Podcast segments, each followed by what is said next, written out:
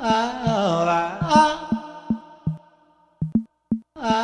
harte welkom bij een nieuwe aflevering van de Wereld van Morgen podcast. Uh, hallo Nick. Hallo Lorenzo. Uh, vandaag hebben we weer een uh, ja, leuke aflevering, denken we, over um, ja, het verhaal YouTube, hè Nick? Ja, een, een interessant verhaal, hè? Bijna een jongensboek van de 11-jarige organisatie uit, uit Californië. Maar voordat we daar te, al te diep ingaan, uh, hebben we wederom uh, een gast in de podcast. En het zijn er dit nou, keer zelfs twee. Het zijn er twee inderdaad, ja. Ja, ja. Uh, ja stel je even voor, wie zijn jullie? Ja, ik ben Tom. ik doe media vormgeven, of heb ik gedaan. Dat is een studie. en ja, sinds ja, anderhalf jaar zijn we echt serieus een bedrijf gestart. En het begon uit een hobby, het begon uit YouTube. Het, daar is het ook bij begonnen bij een YouTube-kanaal. Dat heet Hoe gaat dat? En uh, vanuit daar zijn we een bedrijf uh, begonnen. En ja, beide passie voor online video en uh, voor ondernemen. Ook van jongs af aan al. Dus ja, ik ben 19 trouwens ook. ook nog belangrijk. Nou, kijk, dat, dat, ja, dat is, dat is niet verkeerd. En ben je sync? Nee, nee. ja, ga je nou weer maken. en we hebben nog iemand. Want je zei, we, we zijn niet met, met, met één iemand. Maar we hebben, we hebben daadwerkelijk twee mensen kunnen regelen. Ja. Hallo. Ik ben Rino. Uh, ik uh, ben uh, 24 jaar. Eh, precies op de dag na vijf jaar ouder dan Tom. We zijn beide op dezelfde dag jarig. Ook een bedrijf gestart op onze verjaardag. Leuk feitje. Um, Zeker. Dus ik driedubbel feest eens in het jaar. Driedubbel ja. feest eens in het jaar. En um, ja, we zijn dus anderhalf jaar geleden Koffiebottle gestart. En dat is een een uh, uit de hand gelopen YouTube-channel, uh, wat Tom al vertelde. Uh, hoe gaat dat? En dat is een design-channel waar we tutorials op maken. En um, nu zitten we hier in de podcast. Ik heb een studie communicatie multimedia design gedaan op dezelfde school als Nick. Niet dezelfde opleiding. Nee, ja, daar kennen we elkaar wellicht ook ongeveer van. Ongeveer. Ja. Nou ja, we hebben jullie uh, eigenlijk aan tafel gehaald omdat we, ja, Nick en ik vonden het uh, heel erg interessant om het een keer te hebben over YouTube. Want uh, er gebeurt heel veel op dat platform. Ja, zo ook wordt deze podcast geplaatst op YouTube. Mocht je deze nu op audioformaat luisteren, is die er ook goed geplakt, dat zeg ik het zelf. Waar? Staat hij ook op YouTube? Zoek op de Wereld van Morgen podcast en wellicht dat je hem, dat je hem aantreft. Ja, precies. Um, en ja, we, we, jullie, hebben, jullie hebben een best groot kanaal waar jullie met hoe gaat dat uitleggen hoe dingen gaan. Hè? Vanzelfsprekend. Is dat een goede intro of, uh, van, van, het, van het kanaal? Nou, daar, daar, daar, daar kan ik in komen. Ja? ja, ja, nee, met de, hoe gaat dat? Doen we dan uitlegvideo's uh, waarin we dus uh, software uitleggen. Programma's, creatieve programma's, Photoshop en Premiere. Misschien kennen jullie dat wel. Mhm. En ehm, wat we nu ook, waar we nu ook mee zijn begonnen om het wat toegankelijker te maken, is ook een mobiele serie. Dus okay. ja, het, het, is nog steeds in dezelfde markt, creatief. Um, en mobiel heb je het dan over iOS en, en ja, daar heb ik het over. En Android-applicaties? Juist. Um, was het ja. Okay. um, er ging iets fout in de studio van ja. hoe gaat dat? Ja. ja.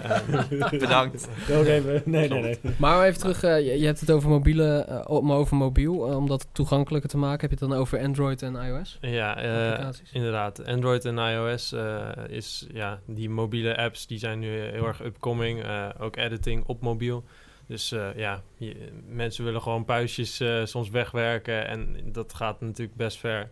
Uh, hoe je dat eerst op Photoshop deed, op, je, op je computer, dan doe je dat ja. nu sneller op je mobiel. Zelfs editing, video-editing kan je ook al op mobiel maar, doen. naast dat we alleen dingen uitleggen, ja. hebben we ook heel veel interactie met de doelgroep. Dus mensen kunnen ook dingen naar ons toesturen en daar geven wij dan bijvoorbeeld design feedback op. Of wij gaan hun werk live aanpassen. Uh, dus er is ook een heel groot deel van interactie op het kanaal, niet alleen maar zenden, zeg maar. Ja, wat ik heel interessant vind aan wat jullie doen, want ik heb uiteraard uh, al wel eens een video over jullie gezien. Uh, ja, zeker, zeker. Dat doen wij van voordat we elkaar ontmoeten. Oh, okay. We bereiden ons soms voor. Maar um, ja, wat ik interessant vind aan wat jullie doen, is eigenlijk, jullie zijn een soort nieuw, we gaan het daar straks ook over hebben, dus ik wil er niet te diep op ingaan. -huh. Maar er zijn een soort nieuw klaslokaal aan het worden, of een nieuw docentschap bijna. Kijk, voor, voor, voor de luisteraars en beeldvorming, jullie hebben bijvoorbeeld een video over Photoshop. Hoe werkt de bepaalde, een bepaalde tool binnen die software? En jullie maken dan een uitlegvideo ook hoe die tool werkt. Of hoe je iets kan maken. Hè? Dus hoe maak ik een poster voor mijn schoolfeest bij Dat zou een video van jullie kunnen zijn. Juist. Ehm, en dan tegelijkertijd kunnen mensen dan zondag, uh, is volgens mij, kunnen ze hun posters insturen. En dan gaat IJzeren Rino met zijn ijzeren hamer even keihard er doorheen. Of, hak, of met zijn hakbel gaat hij er doorheen hakken. Ja, maakt ze helemaal kapot. En, en helemaal kapot maken, inderdaad. Ja. Nee, maar het, is, maar het is fantastisch om te zien dat jullie, jullie, jullie krijgen vaak, volgens mij, ik heb wel eens gezien dat jongens 12 jaar, 11 jaar zijn en wat insturen.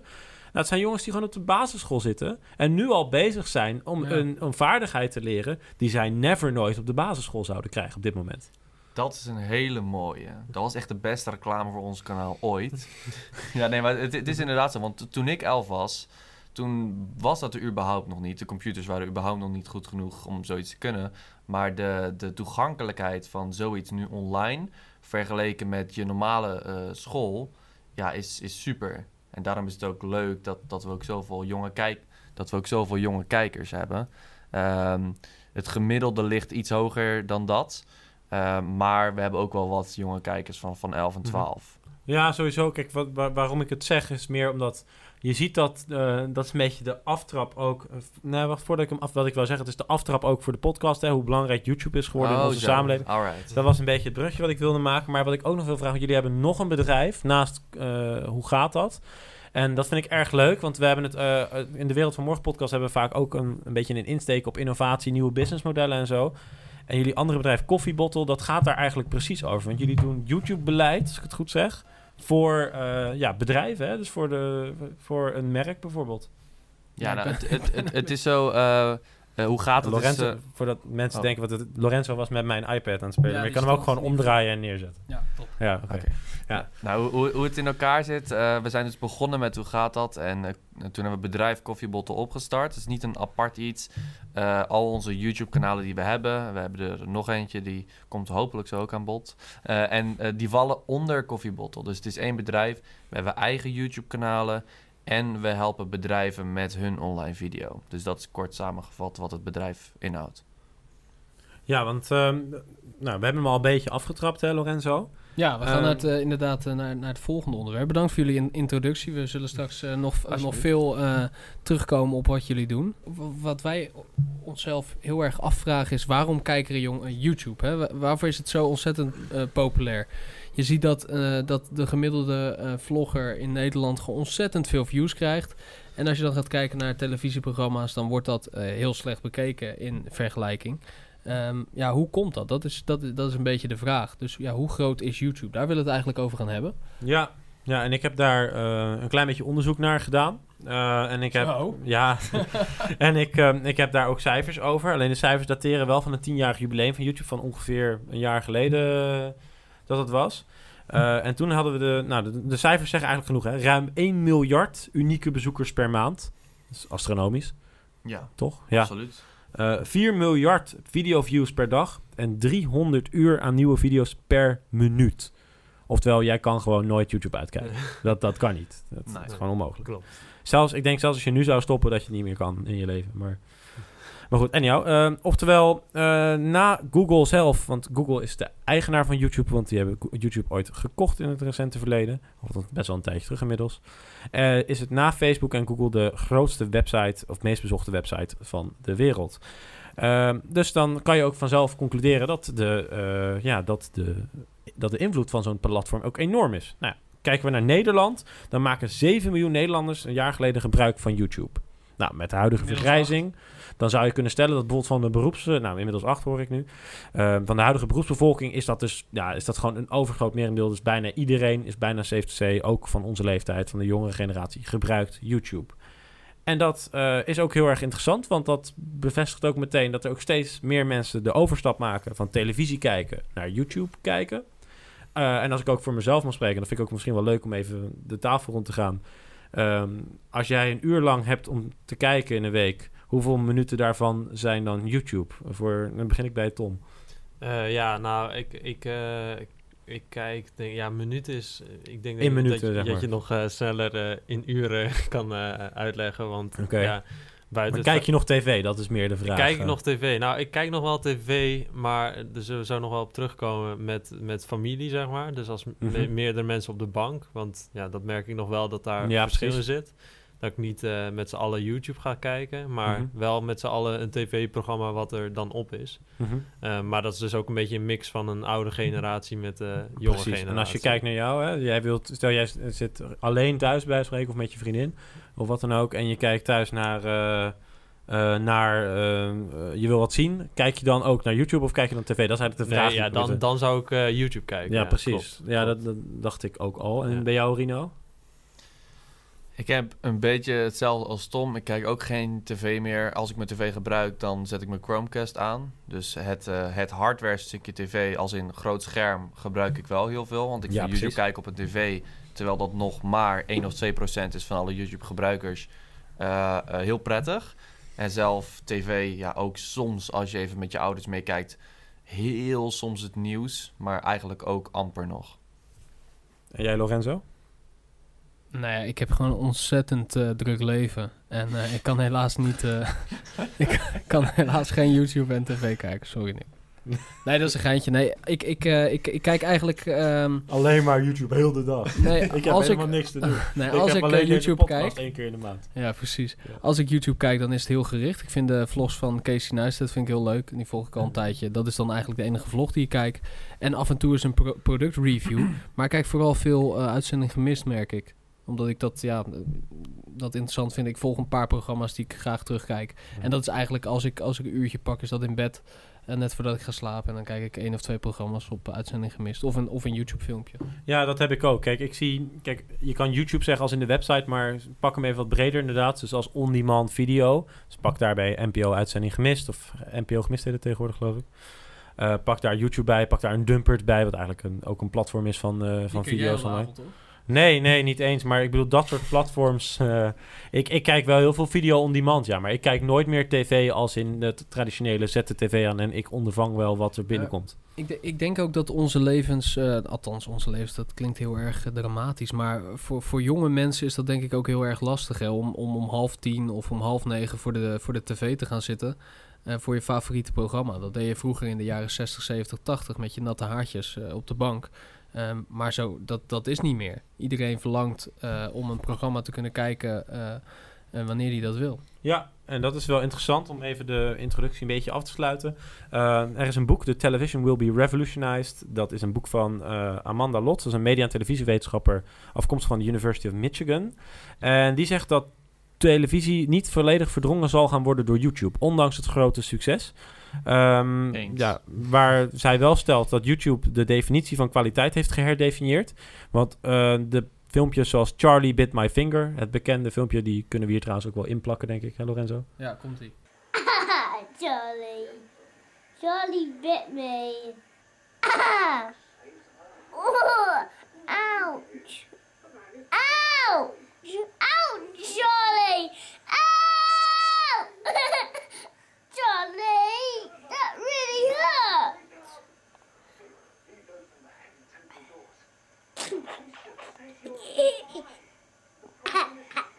Ja, die was leuk, hè? Die was leuk. Ja, die Ja, was echt ja. goed. Ik kan er nog Ja. steeds niet om lachen. Nee, ik ook niet. Maar goed. Uh, maar je hebt dus duizenden van dit soort amateurfilmpjes, wat gewoon echt slechte content is. Dit komt normaal echt niet op televisie. Dit zou tv niet halen. Kwaliteitscontent. Nee, maar dit zou, is voor YouTube kwaliteitscontent. Juist. Dus daarom heeft YouTube kwaliteit dus geherdefinieerd. Dat is interessant. Um, en om dat af te sluiten is dat sinds 2007 doet YouTube aan advertising uh, volgens dit artikel wat ik heb gelezen. Ze hebben ook heel veel adverteerders. Nou, logisch, uh, het is Google, hè. Ik bedoel, dat is een hele ding. Uh, maar ze draaien nog steeds niet break-even. Uh, En dat is best wel opvallend. Uh, terwijl, want over populariteit heeft YouTube natuurlijk niet te klagen. Nee. Nee.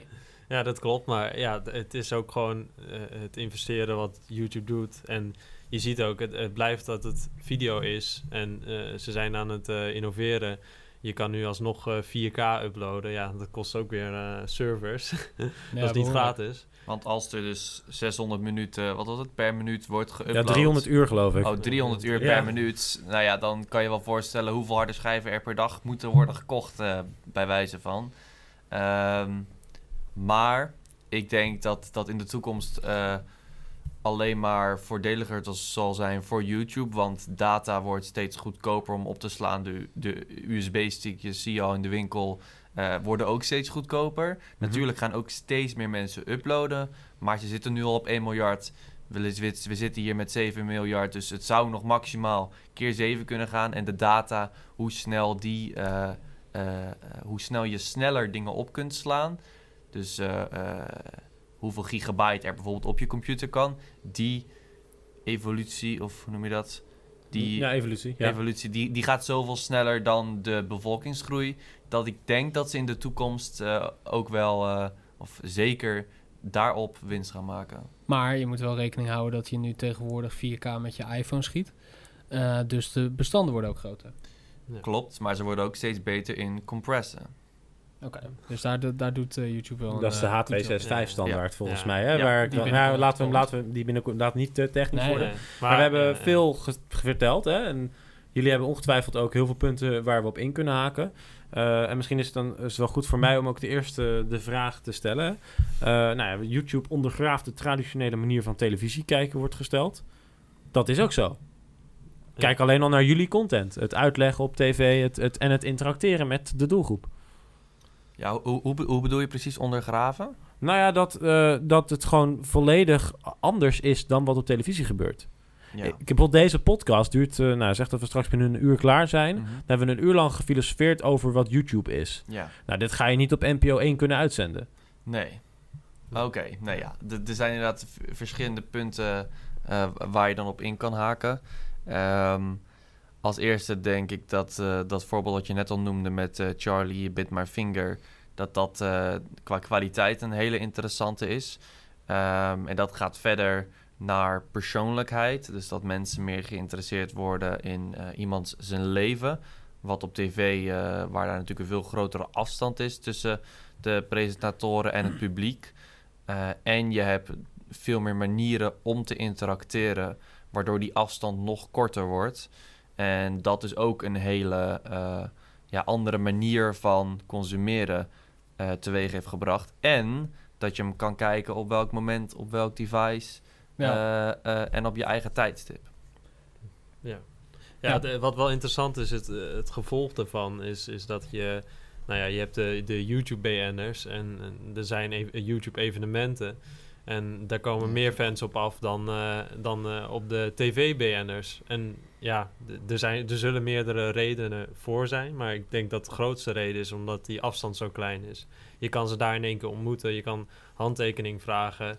eh, maar op het platform zelf is, is die afstand al heel klein. Dus Ja. zijn ze veel toegankelijker. En, Ja, het, is, ja. het is eigenlijk ook logisch, want als je kijkt naar YouTube, is het eigenlijk de tv voor, eh, eh, voor onze generatie en, en onze generatie hiervoor, eh, of die, die hierna komt. Dus de, de, de- als ik kijk naar mijn broertje, die is 13. Nou, dat, die valt voor, wat mij betreft echt binnen de, binnen de YouTube-generatie. En voor hun maakt het niet uit of zij naar de tv aan het kijken zijn aan de wand. Eh, of ah, op hun iPad. Want ja, het blijft, het blijft een, een venster waardoor je eh, naar content kijkt. En of dat of dat op internet is of, of via de kabel gaat, ja, dat maakt niet uit natuurlijk. Ehm, en, en, en ik denk, eh, als, je gaat, als je gaat afvragen waar, waar tv de plank mislaat... Hè, want dat is eigenlijk de volgende vraag, van waarvoor is YouTube... ehm, waarvoor is YouTube zo populair en, en waarvoor zie je die beweging dat YouTubers naar, naar tv willen? Je ziet het bijvoorbeeld met eh, Streetlab. Ehm, maar er zijn ook heel veel eh, tv-persoonlijkheden, bijvoorbeeld eh Umberto Tan, die nu aan het vloggen zijn. En dat wel heel erg eh, geforceerd voelt als je dat zit te kijken, maar dat terzijde. Ehm, maar je ziet wel die wisselwerking van de ene wil het op tv gaan proberen, hè, op, op, op, op dat, eh, nou laten, laten we het venster noemen, want eigenlijk is het alleen een venster waar we doorheen kijken. Ehm, en de andere willen het weer op, op internet gaan, gaan proberen. Maar waar denken jullie dat, dat, dat eh, tv de plank mislaat dan wat dat betreft? Ja, ik, ik denk het, het grootste is de, de interactie. Je ziet wel dat tv ook nu innoveert en, en dat probeert aan te prijzen dat je het elk moment kan bekijken. Je krijgt nu een, eh, een tv-kastje waar, je, eh, eh, waar dat standaard in zit. Je kan alles terugzien. Eh, heel, ma- eh, heel makkelijk. Veel makkelijker dan dat vroeger kon. Dus daar is ook innovatie. Dat gaat heel snel nu. Dat ja. gaat heel snel. Uh, maar je ziet inderdaad dat, dat uh, die interactie. Je zit inderdaad, wat je al schetste, naar, naar een uh, kader te kijken, naar een, een scherm. Ja. Uh, en bij YouTube alleen al de reacties, uh, het liken, het delen, uh, dat soort dingen. Dat, dat is wel de key difference bij, Nou ja, bij, tv. Je hebt nog wel de programma's waar je natuurlijk kan bellen en dat je een prijs kan winnen. maar dat is niet de interactie. Songfestival, ik. toch? Bijvoorbeeld. Ja. Eh, ik, was Ehm. echt, eh, ik was echt, ik moest huilen om de elfde plek. Ja, Nee. oké. Maar ja, ik, ik, denk, ik denk dat tv was- daar, eh, daar Nee. de eh, plank een beetje mislaat. Maar Ja. Ja. dat, is, dat is gewoon het, het medium. is heel lastig om daar iets mee te doen. Want het blijft het apparaat. waar- dat zijn de limitaties Ja. daarvan. Nee, inderdaad. Ja, zit, jij, zit jij naar Carlo Boshart te kijken op zondagmiddag, dan eh, is het heel lastig om hem eens even op te bellen. Het komt trouwens wel bij, eh, bij, de, te- bij, de, bij eh, Carlo en Irene. Ik hoor ze Ja. met ze bellen. Maar dat is inderdaad die interactie. Als ik een, eh, als ik een commentaar heb, eh, dus een comment wil plaatsen op jouw video.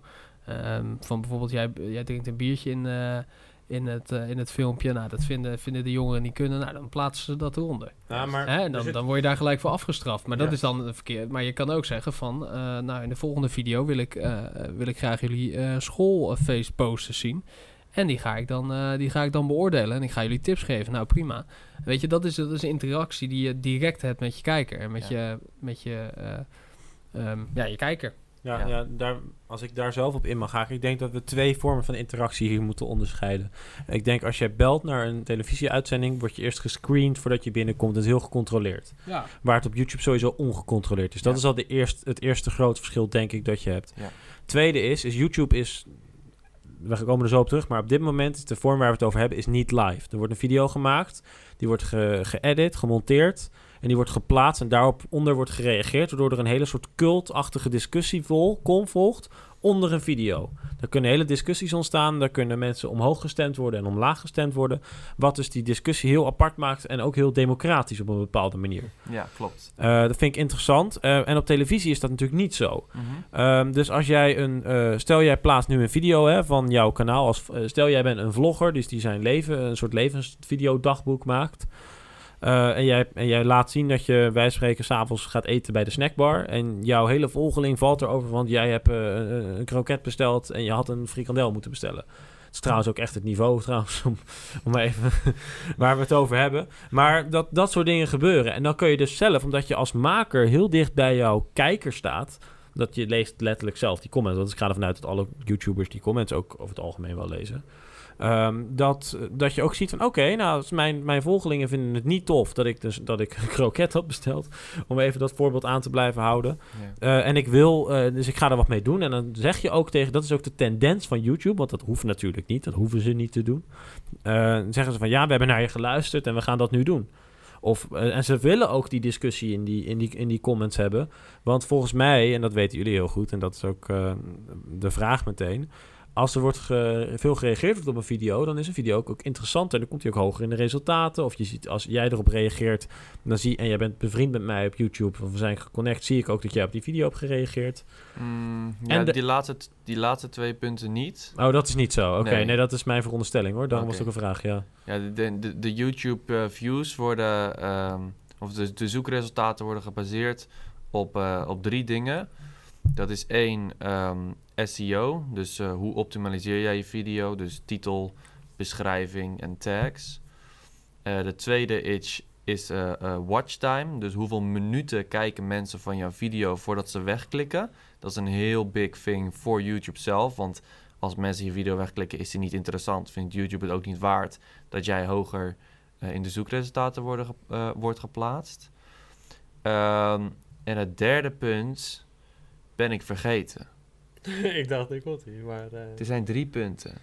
Wat is die derde? mm, ook nog eh, hoe snel de groei is Oh van ja, views? nee, nee, nee. Wat? Ik, ik weet hem alweer. Eh, eh, hoe recent de video is. Ja. Dus nieuwe Hmm. video's worden eh, hoger geplaatst dan oudere Ja, oké, video's. dus dat ja. zijn de drie Ja. elementen waarop die gebaseerd wordt. Mhm. Maar die reacties...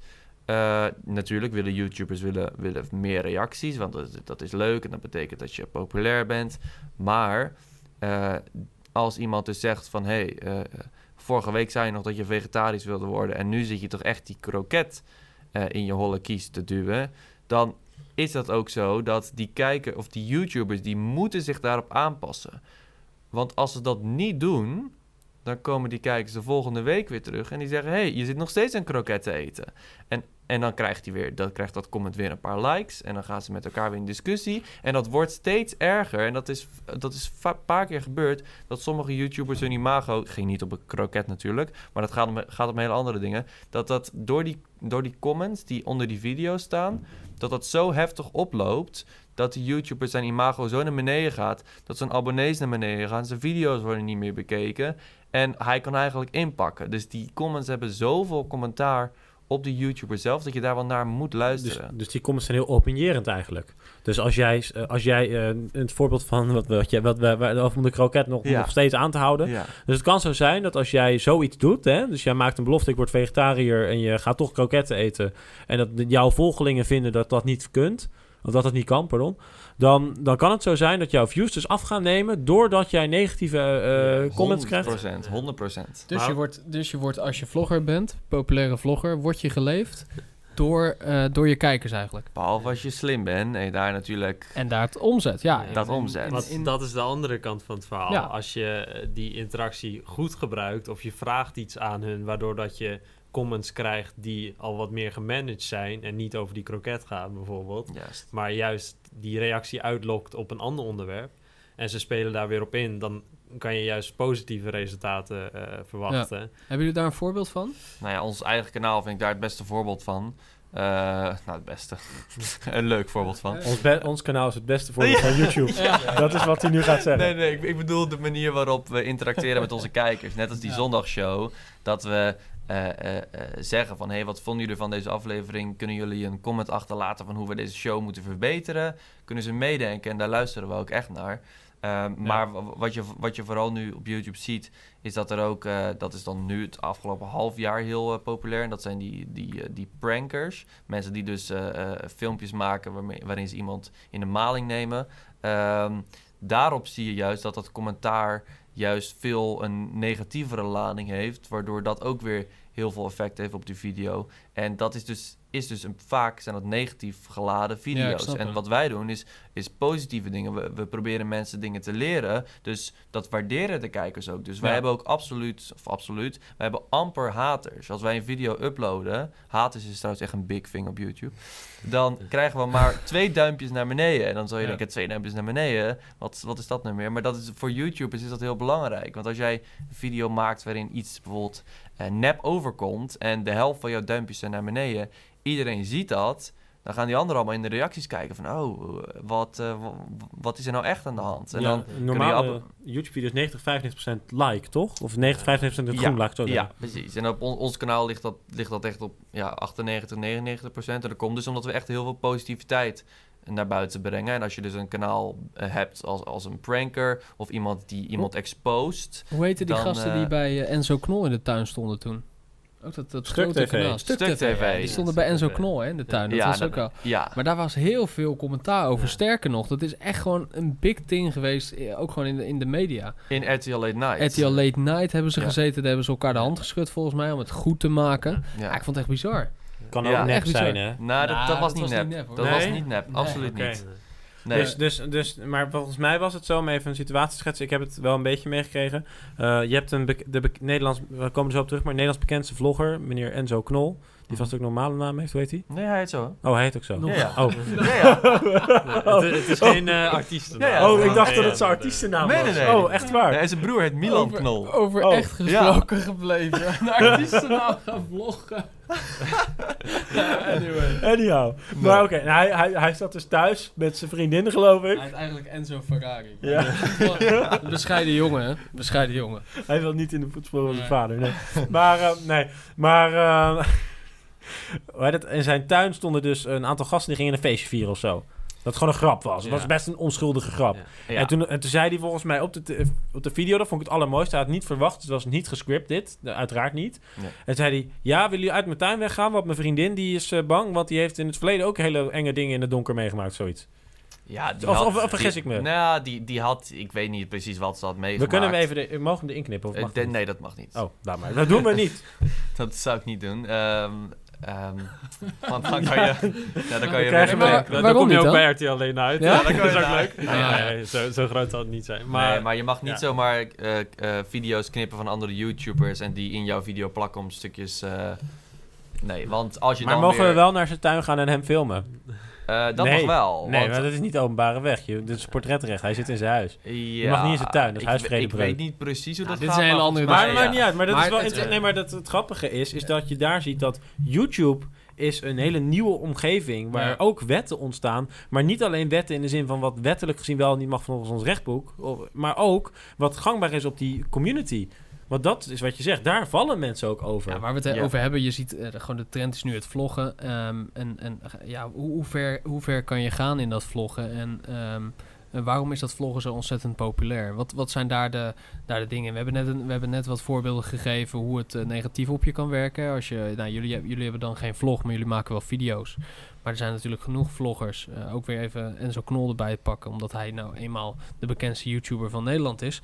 Ehm, hij, had, hij had een keer een, eh, een, een paar keer in, in, een, in een vlog had hij zijn eh, cd van zijn vriendin had hij aangehaald.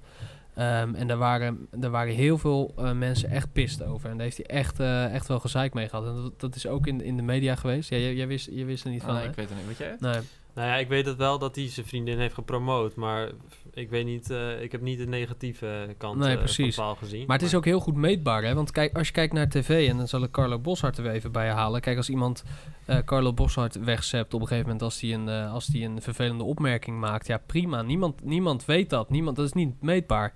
Als ik, als ik vind van, hé, hey, eh, je had die kroket niet moeten eten om de kroket nog één keer erbij te halen, dan zet ik dat gewoon in de comments. En dan is dat ook, Mhm. dan is dat ook leesbaar en op, op een of andere manier meetbaar ehm, dat dat geen goede actie was. En dat is denk ik heel belangrijk bij zo'n vlog. Ehm, en dan is mijn vraag aan jullie eigenlijk, want het leidt, het leidt naar een vraag, mijn verhaal. Ehm, ja, hoe kan het dat vlogs zo populair zijn? Ja, nou, ik, ik, ik vond ook wel interessant dat je zei van, eh, dat, dat tv lastig meetbaar is. Ja, Eh, eh, dat, dat was een beetje, ja, dat is ook nog iets, dat is een ander onderwerp. Maar wat je inderdaad ziet is dat tv, ja, je hebt kijkcijfers en, en, en je hebt kijkcijferskastjes en hoe dat wordt gemeten. Hoeveel families hebben nog een kijkcijfer, kijkcijferkastje? Duizend families of zo in ja, Nederland? ik, Ja, ik- volgens mij is het een, Ja. en, en daar wordt een gemiddelde uitgetrokken en Ja. Nou ja, eh, eh, niet super pure cijfers. Eh, je kan natuurlijk wel een gemiddeld eh, eh, trekken, maar niet zo puur als je kijkt naar... een, ja, maar in een steeds meer data-gedreven marketingomgeving, wat, Ja. ik, wat ik gewoon merk als marketeer zelf, is, dat gewoon, is dat gewoon bijna niet meer te verantwoorden. Nee.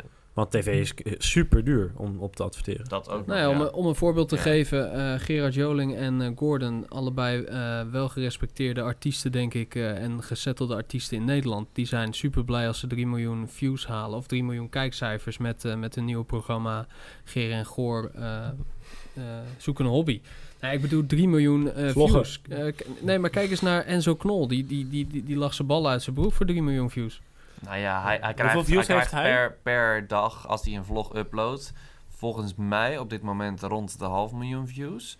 Maar hij uploadt natuurlijk elke dag en hij doet twee video's per dag. Dus hij zit nu uit mijn hoofd op 38 miljoen views per maand. Bizar, toch? En dat is dus ongeveer net zoveel als RTL Late Night. En daar zit dus een hele crew achter. Maar, maar, maar, maar, wel bekeken door een hele specifieke doelgroep. Dus als je kijkt naar het, de, ad- dus binnen die leeftijds... Stel dat je zijn totale Mm. doelgroep pakt, heeft hij een veel grotere eh, eh, ja, acceptatiegraad in zijn, doel, in zijn leeftijdscategorie van kijkers. En dat vind ik ook interessant. Want om even terug te pakken, hè, van, van, van als we wat dieper ingaan op vlogs. mhm. Ehm, dan ga ik nu. Dit is een mening van mij, maar dit is niet alleen een mening van mij. Dit is echt Oh, ja. een mening van mijn generatie ook, merk ik heel erg. Althans ook van niet zozeer mijn generatie, maar gewoon een oudere generatie die eigenlijk de vlogs niet begrijpen. Mhm. Eh, wat ik zie bij een vlog, dan zie ik eigenlijk een persoon die net niet, die wel heel authentiek is en zichzelf, maar die zou niet zo snel, eh reageerde trouwens straks op, dan, dit is een beetje een hypothese die ik probeer te doen. Je ziet iemand op een vlog, dat is een persoon die net niet goed genoeg is om op televisie te komen, of als het misschien helemaal niet goed genoeg is om op televisie te komen. Dat is trouwens geen waardeoordeel, maar dat denk ik. Ehm, en daardoor dus op YouTube wel een platform krijgt. YouTube, hij kan letterlijk, nou, dat is ook het idee hè, van, eh, van het platform. Hij, heeft dus, hij maakt ineens video's, die slaan enorm aan. Mensen gaan in zijn persoon geloven. Eh, maar als je kijkt naar dan Enzo Knol, eh, wat ook zijn naam is. eh, die, die trekt dan een Ja, half leert, miljoen, ja, ja, een half miljoen views, dus een half miljoen kijkers denk ik. Althans, of mensen kijken twee keer, maar Ja. ga, ga je vanuit Ja. even een half miljoen in ieder Ja. geval. Ehm, en die, eh, die haalt dat dus met een half uur te praten in een camera. Dat is dus geen dure productie met sets achter hem. Hij loopt gewoon door Nederland heen of door zijn huis of weet ik het wat. Of hij zit achter zijn computer te gamen. Mhm. En hij praat Ja. tegen de camera. Oftewel, de productiewaarde is extreem laag. Ja. Trek je dat terug naar televisie, Dat is gewoon nul. Ja, dat is gewoon nul. Trek je, trek je hem terug naar televisie, daar worden mensen aangenomen. Echt een hele kleine groep van de mensen die zich aanmelden als televisietalent komt daardoor. Dan ben- en dat is op basis van logische onderbouwde dingen. Want je moet likable zijn, je moet een beetje er leuk uitzien, je moet aansluiten bij de wensen van de kijker. Daar wordt echt over nagedacht. Ja. Dat is niet een hit or miss, daar is echt over nagedacht Mhm. vaak. Eh, dan ben je een talent, zoals dat zo mooi heet. Dan kom je op televisie en dan zit er een crew van inderdaad heel veel mensen. Een heel mooi programma. Echt helemaal mooi te ontwerpen en in elkaar te zetten. Redactiewerk, wekenlang. En dat kost heel veel geld, heel veel moeite. En dat geeft dan net zoveel kijkers als die situatie die ik net schets. En dan, op een, en, dan, en dan heeft hij het ook nog op een frequentie van iedere dag. Ja, dat is inderdaad heel bizar. Eh, ja, op één ding wil ik... eh, Amen. Op wil ik... Ja, Ja, dit nee, was maar- de podcast eh, van deze week. ja. Nee, eh, ik denk dat, eh, dat ik nu eh, ook voor, de, voor Tom kan praten. eh, als ik eh, het volgende zeg. Eh, het laatste gedeelte wat je schetste met die verschil in productiewaarde. eh, helemaal mee eens. En überhaupt bizar dat dat de laatste, wat is het, vijf jaar zo eh, mogelijk is Mhm. geworden. Ehm, het enige punt waar ik zeker denk dat ik het eh, niet met je eens ben, is het punt op dat eh, die personen eh, zichzelf of niet goed genoeg zijn voor tv. Dat het punt bij veel YouTubers is, ze willen niet eens naar tv. Sommigen die willen naar tv en de, omdat de twee werelden steeds meer in elkaar gaan schuiven, gaan sommigen overspringen. En dat zie je heel duidelijk met sommige YouTubers, zoals bijvoorbeeld met eh, Streetlab. Ehm, maar er zijn heel veel YouTubers die willen echt niet op tv, omdat ze zoveel waarde hechten aan wat verband ze hebben met, eh, met hun publiek. En ze weten dat ze dat op tv nooit hetzelfde voor elkaar kunnen krijgen, waardoor ze bang zijn dat ze die band kwijtraken. En die band is juist zo belangrijk geweest om hun Ja. zo ver te laten groeien. Dus de, de, je bent een soort van, als kijker ben je een soort van vriend van de YouTuber. Hm. Maar de YouTuber die heeft ook echt een band, echt de grote en bekende en de pure YouTubers, echt een band met hun kijkers. Waardoor ze echt ook niet op tv willen. Dus voor tv-kijkers snap ik dat ze er zo tegenaan kijken. Maar de YouTubers, die zijn, heel veel YouTubers zijn ook zo van, tv is leuk en ik wil best een keer een paar shows meedoen. Maar YouTube Ja, ik ben daar is wel, mijn ding. eh, ik ben daar wel heel erg mee eens. Ik, ik, ik denk dat je precies de spijker eh, op de kop slaat. Eh, YouTube is gewoon veel intiemer en de drempel is gewoon veel lager. En waardoor de betrokkenheid van je kijkers gewoon veel hoger is. Ja, ik, Ja. kijk, de, de stelling die ik ook deponeerde was bewust een beetje met een knipoog. hè. Ik Mhm, bedoel, het was echt gechargeerd. Ja, ja. Eh, maar het is ook geen haat naar al die was, mensen was een die... goeie, was, was een goeie. Ja, precies. Het was echt puur was die ook weer. Mm. YouTube-waarde. Ja, nee, nee, nee, maar, eh, nee, maar wat, wat ik echt vind is... Ik vind het uniek en heel knap eh, dat je door een... Ik weet niet hoe duur de camera is van meneer Knol. Eh, Mm, maar zeg dat dat ding... Stel dat je een vlogcamera kan kopen voor 200 euro. Kan dat? Nou, Ja, die van hem is 700, 800. denk ik. Oh, hij heeft een hele duur. Nou goed, maar wat, Ja. wat, stel ik koop voor twee... Al is het 800 euro, zo be it. Ja. Dat kan iedereen kopen over het algemeen, eh, met een beetje sparen.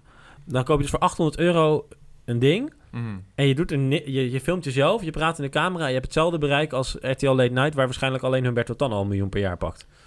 Eh, aan ja. salaris. ja. Aan- als je dan over kostenproductie hebt. Kosten, ja, en dat doet hij ook allemaal zelf. Hè? Hij, het is, er zitten geen tekstschrijvers achter. Zitten geen, eh zitten geen marketingteams achter die jongen. Nee. Dat heeft hij waarschijnlijk allemaal Nou zelf ja, opgebouwd. Ja, nu wel- inmiddels waarschijnlijk. Inmiddels eh, maar ja. tuurlijk. Maar toen die, de- vanuit het begin... Ja, iedereen kan daarmee beginnen. En of het aanslaat of niet, ja, dat is dan maar de vraag. Want ik denk Mm. dat ook heel veel situaties zijn die niet aanslaan. De meeste. De meeste. En dat is prima. Dat is, dat, dat is ook wat ik zei met, de, met televisie. En ik ben het. eh, ik snap ook wel dat YouTubers niet op tv televisie willen. Maar ik bedoel wel, het is wel een kwaliteitsstandaard.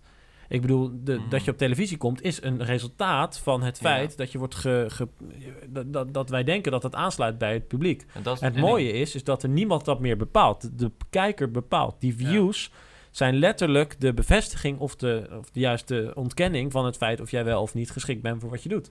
Ja, en ik denk dat eh, in Hilversum zit gewoon een gigantische gevestigde orde. En misschien, is, eh, misschien ligt het ook wel gewoon aan, eh, aan hoeveel plek er nog is. Want ja, hoeveel plek is er nog op tv voor, voor mensen? Ja, het, is gewoon, het is een gevestigde orde. En je ziet dat YouTube daar gewoon een perfect platform voor is. En dat ook heeft geboden op de juiste, op de juiste manier en op de ju- precies op de juiste tijd. Om die mensen dat andere venster te geven in plaats van die tv aan de wand. Nou, dan het apparaat op je bureau of in je broekzak. Ja. Maar wat is de toekomst daarvan? Want wat, wat een brug. ja, ja, ja, ja. ja.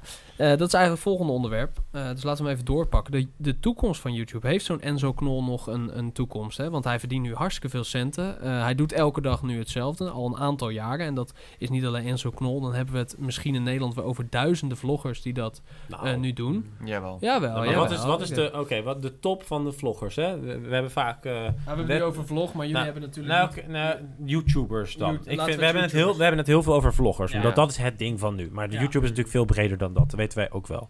Ehm, maar eh, je kent de wet van Pareto. 20% van de contentmakers bepalen 80% van de cijfers dus van de views. Dat is eh, wellicht dat die ook opgaat. Dat is eigenlijk mijn vraag. Ja. Hoe- hoeveel vloggers, als je zegt dit is de toppool van vloggers van Nederland. Hoeveel mensen hebben het dan? Ja, ik denk dat die 2080 misschien nog wel iets heftiger is. Misschien is het wel 9010.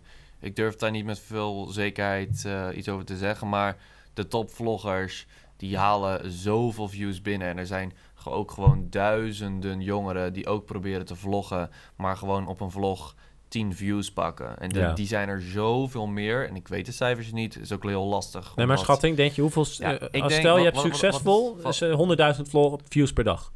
Is dat, een, is dat succesvol? Nou, dat is wel, heel, dat is wel redelijk succesvol hoor. Een beetje, Dan kijk, 50.000 plus per dag. Hoeveel zijn dat er? Ja, ja dat, dat is wel Denk goed. je? Dan ben je wel goed hoor. Maar het, het, het, is niet echt een beetje. Ja, het, het is niet de views per dag. Vaak worden, worden de YouTubers een beetje. ge- vaak toch wel geïndexeerd op, eh, op abonnees. En dan kijkend of er onder die abonnees nog wat views hangen. Ja, Eh, snap want, want sommigen die uploaden ook maar één keer per week. En die hebben dan één keer per week een hele goede video. Zoals bijvoorbeeld Stuk TV. Bijvoorbeeld, ja. Ehm, Wat geen vlog is, voor de duidelijkheid. Absoluut niet. Voor heel veel mensen die eh, nu thuis eh, zitten te luisteren. eh, een, vol, een Of vlog. onderweg. Ja. Of onderweg, absoluut. Oh, sorry. Dit is een Natuurlijk. podcast. Ja, Deze app kun je wel sluiten als je op de homeknop drukt. Ja, precies. Precies, en blijft er gewoon doorspelen. Maar dat is hij. Maar een, een, een vlog is eigenlijk een eh, videolog. En eh dat wordt in de media ook nog heel vaak verkeerd gecommuniceerd. En heel veel YouTubers hebben daar echt een hekel aan. Gisteren, gisteren toevallig. Ja, dat dat was... eh was Maar wij hebben eh, het ook alleen nog maar over vlogs gehad eigenlijk. ja, Ja, ja, ja. want gisteren was bijvoorbeeld... eh, of was het vandaag? Wat? Wa- Sorry, wat? Ik Eh, dat was gisteren.Isteren was Monica Geuze, een bekende vrouwelijke vlogger. ehm, was op de radio en die werd dus in dat radioprogramma werd vlogger genoemd. En daar eh, werd een beetje lacherig over gedaan. En eh, eh, omdat ze dachten dat het hetzelfde was als YouTuber. Het was een beetje zo, ja, wat is het verschil? Nou, vloggers zijn toch gewoon YouTubers? En heel veel mensen denken dat ook, omdat eh, in de media wordt altijd... Is de, is de term vloggers zijn nu, is nu een ding. Eh, maar eigenlijk zijn vloggers dus mensen die elke dag hun leven filmen en online zetten. Zoals bijvoorbeeld Enzo Knol. Dus vloggen Eh. zou je bijvoorbeeld ook op Facebook kunnen doen nu. Eh, eigenlijk wel, ja. Ja. ja. dat is niet echt een perfect platform ervoor, maar het zou kunnen. Maar heel veel eh, eh, videomakers die, zijn, die video's op YouTube uploaden, die kun je dus beter YouTubers noemen. Dus iedereen die uploadt op YouTube is een YouTuber. En iedereen die zijn leven bijhoudt en dat elke dag online zet, is een vlogger. Maar je kan dus ook een vlogger zijn en een gamer bijvoorbeeld. Maar dan is je, eh, sommigen hebben zelfs een apart kanaal voor vlogs. Dus dan ben je een vlogger en een gamer. Dus hij, hij, En als je hij, dat op hij Twitch speelt een doet? nee, hij speelt, nee, wacht even. Hij speelt dus een spelletje op zijn Xbox bijvoorbeeld. Ja. Dat filmt hij en dat is een content wat hij maakt in dit geval. Dus daarom is hij YouTuber. En hij, hij filmt zichzelf terwijl hij gamet. En dat filmt om een filmpje op YouTube te zetten, waardoor hij een vlogger is. Nou, als jij niet... Nee, hij dat zei- is, nee, nee, dat nee. nog is steeds- heel meta. Ja, dat Nee, is game commentary. Ja. En vloggen zou dan Ja. zijn als hij naar de, eh, eh, eh, bijvoorbeeld naar een supermarkt gaat en dat dan filmt. Ja, en ja. dat elke dag. Ja, dat, dat is ook weer... Want daar is de grootste YouTuber eh, eigenlijk eh, ja, groot mee geworden. De game, de game commentary. De allergrootste internationale eh, YouTuber. Ja. En trouwens ook Nederlander, maar die maken Engelse content. Want de grootste Ja. Nederlandse YouTuber Dat is, is eigenlijk niet Enzo Knol. Maar dat is eigenlijk Kwebbelkop. En dat is een gamer. Ja. En die heeft 4 miljoen abonnees of zo. Ja, nu rond de vier. Eh, maar die maakt Engelse content. Dat is geen Nederlandstalige YouTuber. Nee. Dus over Nee, het maar hele wel land, een maar dan Nederlander. is hij over het hele Wel landschap is hij wel kleiner. Want Ja. als PewDiePie, hoe heet hij toch? Ja, PewDiePie. Hoeveel abonnees heeft hij? Ik zou het niet weten. Wat, wat denk jij? Ik ga het Nou, nu op opzoeken. jullie 15 verder. miljoen? Rino zoekt het Nee, op, maar... veel meer. Ja? Nee, Al over de Ri- 30. Rino zoekt het Oh. even op. Maar zegt dat die man de 100 miljoen heeft, bij wijze van spreken. En Nou, Kwebbelpot, nee. maar ik denk 50 wel. Ik ga, ik, ik ben, binnen één seconde heb ik het. Ja, we, hebben het, eh, we, we, we kijken nu live. Kijk eens even. Ja. 44 miljoen. Oké. 44,2. Dus heeft er 11 keer meer dan de grootste Nederlandse YouTuber. Ja. Valt wel mee eigenlijk. Nou, Als je erover nadenkt. Nou, het als je 11 het keer, valt. als je 11 keer de begroting echt van Feyenoord pakt, heb je FC Barcelona Ik vind waarschijnlijk. dat echt wel meevallen. Barcelona ja, wint 10-0 Enzo is van Feyenoord. echt huge. Ja. Het is echt bizar hoe Nee, groot nee, hij is in niet- Nederland. het- het- ik bedoel meer van over de, over de hele schaal gezien. Zo'n, zo'n, hij is misschien groter dan, eh, dan Enzo Knol, maar zijn impact in Nederland is waarschijnlijk kleiner, want ik heb, hem nog Ja. nooit, ik heb nog nooit over hem gehoord. Dus zijn totale views zijn groter, maar zijn impact Ja. in, in, de, in de, in in de, Nederland is in de, in de micro-omgeving Nederland, om zo maar te zeggen, dat is gewoon, eh, ja, is gewoon wat, eh, is, is gewoon wat, is gewoon wat minder. Hmm. Uh, maar als we het hebben over toekomst van YouTube. ehm, ja, Lorenzo had het net over. Hè, mensen doen het al een, een jaar of zo. Hij moet e- Kijk, ik denk dat de YouTuber als een content maken op een platform zetten die on-demand gevonden kan worden. Oftewel, een, elke week een filmpje maken of, of eens in de week of weet ik het wat. Ehm, en, je, en je plaatst af en toe Zeker. En je plaatst af en toe, eh, je plaatst af en toe een nieuw filmpje. eh, waarin, je dus, eh, waarin je dus laat zien van, nou ja, we hebben deze week hebben we het bijvoorbeeld over onderwerp X. Deze week hebben we het over onderwerp Y. En zo maak je iedere keer kwaliteitscontent. Ik denk dat dat niet zo snel zal veranderen. Waar het vloggen nu een, eigenlijk een beetje een hype is. En echt een ding van nu is. Ja, nou, ik, ik sta zelf heel erg versteld van de, de evolutie van vloggen. Het, het, is er nog maar, wat is het, 10 jaar, echt max. Nou, eerst hadden we het bloggen. Eerst hadden we het bloggen en toen eh, gingen mensen de filmpjes eh, bij. Dat is nog steeds inderdaad Thanks. een ding. Maar vloggen is een paar jaar geleden ook heel populair geweest, vooral in Nederland. En toen is het even ingezakt. En nu is er weer een hele golf aan vloggers, waarbij Enzo Knol eh, sowieso de koning op het witte paard is die voorop loopt. Ehm, maar het is ook een tijdje ingezakt. Dus misschien is het wel, of is vloggen wel een golfbeweging die eh, over een jaar weer inzakt en dan over een paar jaar weer inkomt. Ja, mediamoeheid misschien. Hè, dat we op een gegeven moment Ja. denken van ja, Ja. en zo, we hebben het nu wel gezien. Nou weet je Ja. het wel. Uh, nu weten we het wel en dan, en, dan, en dan gaat hij misschien iets anders doen. En dat is ook het mooie aan, aan YouTube dat dat ook kan. Hè? Als hij meebeweegt, dat is, dan, dan gaan ze waarschijnlijk Ja, zijn mensen ook mee. Wat kan hij nog meer? Dat is de vraag. Maar, Ja, ehm, hij, kan, hij kan nog Minecraft. ja, klopt, want daar is hij mee begonnen. Maar we hebben het nu heel erg over, eh, over YouTubers Hmm. zelf gehad en over, eh, over vlogs. Ehm, wat ik wel interessant vind, eh, als we het over, over- toch over golfbeweging hebben. YouTube wil met YouTube Red komen. Een premium dienst eigenlijk, waarvoor je betaalt. En daar dan extra content en unieke content voor krijgt. Wat, kunnen jullie daar wat meer over vertellen? Ja, nou ja, dat is wel interessant als je het hebt over de toekomst van eh, YouTube. Dat ze dan... Maar wat is het? Eh, even voor ja, mijn beeldvorming. ja, ja, eh, ja, nee, ja. is goed. Ehm, het is een abonnementendienst. Je kan het vergelijken met Spotify en Netflix. eh, waarbij je dus een eh, tientje eh, betaalt voor eh, meerdere functies. offline afspelen, eh, maar ook eh, premium content. eh, andere content. Of daar marketen ze in ieder geval mee. En ook advertentievrij? En ook advertentievrij, ja, klopt. Oké, maar die heb ik nu al met de adblocker. Eh, er zijn mensen die hebben adblocker, ja. eh, die eh, Nu blokkeren. trap ik, nu blok- trap ik heel Ik veel betaal ook niet- YouTubers Ja. eh, tegen de schenen. Ik betaal Maar- ook, ik, ik heb ook al gratis melk, want ik loop altijd door bij de zelfscan. Ja, precies. Ja. Ja. Maar ja, YouTube Red. Eh, advertentievrij, unieke content. ehm, en En eh, offline ook nog. eh, offline. Ja, dat is wel heel belangrijk. Op de achtergrond een video afspelen terwijl je verder kijkt. Oké. Wow. Een Ja. soort podcast. Ja, een soort, Nee. een soort van podcast. Nee, nee, nee. Dat is, maar dat, volgens mij, het kost een tientje per maand, toch? Ja, Maar er zit er, er zit er ook muziek bij en een soort Netflix-dienst. Dus video ook, films, geloof ik. Ja, je Ja. krijgt wat extra filmcontent, eh, maar dat, dat is nog eh, niet echt een, een big thing hoor. Maar ook de Spotify van Google, toch? Ja, Google Play. eh, dus ja, eigenlijk, als je het vergelijkt, heel veel mensen hebben al Spotify. mhm. Dan kunnen ze voor hetzelfde geld, kunnen ze dus overstappen naar Red, zoals het zo mooi heet. Eh, en dan hebben ze hetzelfde plus meer. Nou, Ja, ik klopt. weet niet of de muziekbibliotheek van Google dezelfde nummers bevatte als die van Spotify. Plus de Nee. experience van Spotify eh, is natuurlijk al een ding op zich, want de app en eh, het programma op de computer is eh, ontzettend prettig. Mhm, En ik weet mhm. niet, eh, Google heeft absoluut de laatste jaren geen slechte dingen gemaakt. Maar ik weet niet eh, of dat zomaar eventjes met elkaar eh, één op één te vergelijken valt. En überhaupt niet qua content. Ik weet niet hoe groot Google Play Music is. Dat weet ik Ja. ook niet, maar dat is... Oké, we gaan even vanuit dat het niet zo is. Oké. Eh, prima. Eh, Nou zeg, ja, kijk, we, we, we hebben, we kunnen Apple Music als, als mooi voorbeeld nemen. Mhm. Ehm, we zien toch dat heel veel mensen Apple Music wel hebben geprobeerd, eh, die drie maanden. Maar je ziet toch heel veel mensen weer terug naar, eh, ik. naar Spotify. Ja, ik ik, heb ook. dat ook gedaan, ja. Heel veel mensen weer terug naar Spotify gaan. Omdat dat, ja, het- het- het- Weet je daar cijfers van? nee. Nee, dat, Nee, dat nee, wordt nee. ook nooit vrijgegeven. Want Apple Oh. die, die heeft zijn cijfers voor zijn musicdienst... eh gooit hij volgens mij onder overige inkomsten. Dus dat zullen ze niet. Oh. Want, dan kunnen ze, want de overige inkomsten zijn heel groot. Dus dan kunnen ze ook met de Apple Watch doen. Dus dan hoef je niet te verantwoorden of dat het of heel weinig of tegenvalt, zeg maar. Nee. Naar de shareholders toe. En Spotify zal nooit vrijgeven dat er mensen overstappen naar Apple Music. Want dat is ook niet goed voor de shareholders. Nee. Alright. Oké. Dus daar zul je nooit echt eh denken. Maar goed, eh, YouTube Red is een nieuw Ja. model. Slaat volgens mij volledig haaks op wat ze nu doen. Ja. Het, het standpunt van eh, de allereerste YouTube-manier van eh, eh, ja, jouw tube, zeg maar, ehm, slaat het inderdaad wel eh, een beetje tegen. Hoe noem je dat? Het slaat de spijker mis, of het spreekt er tegen.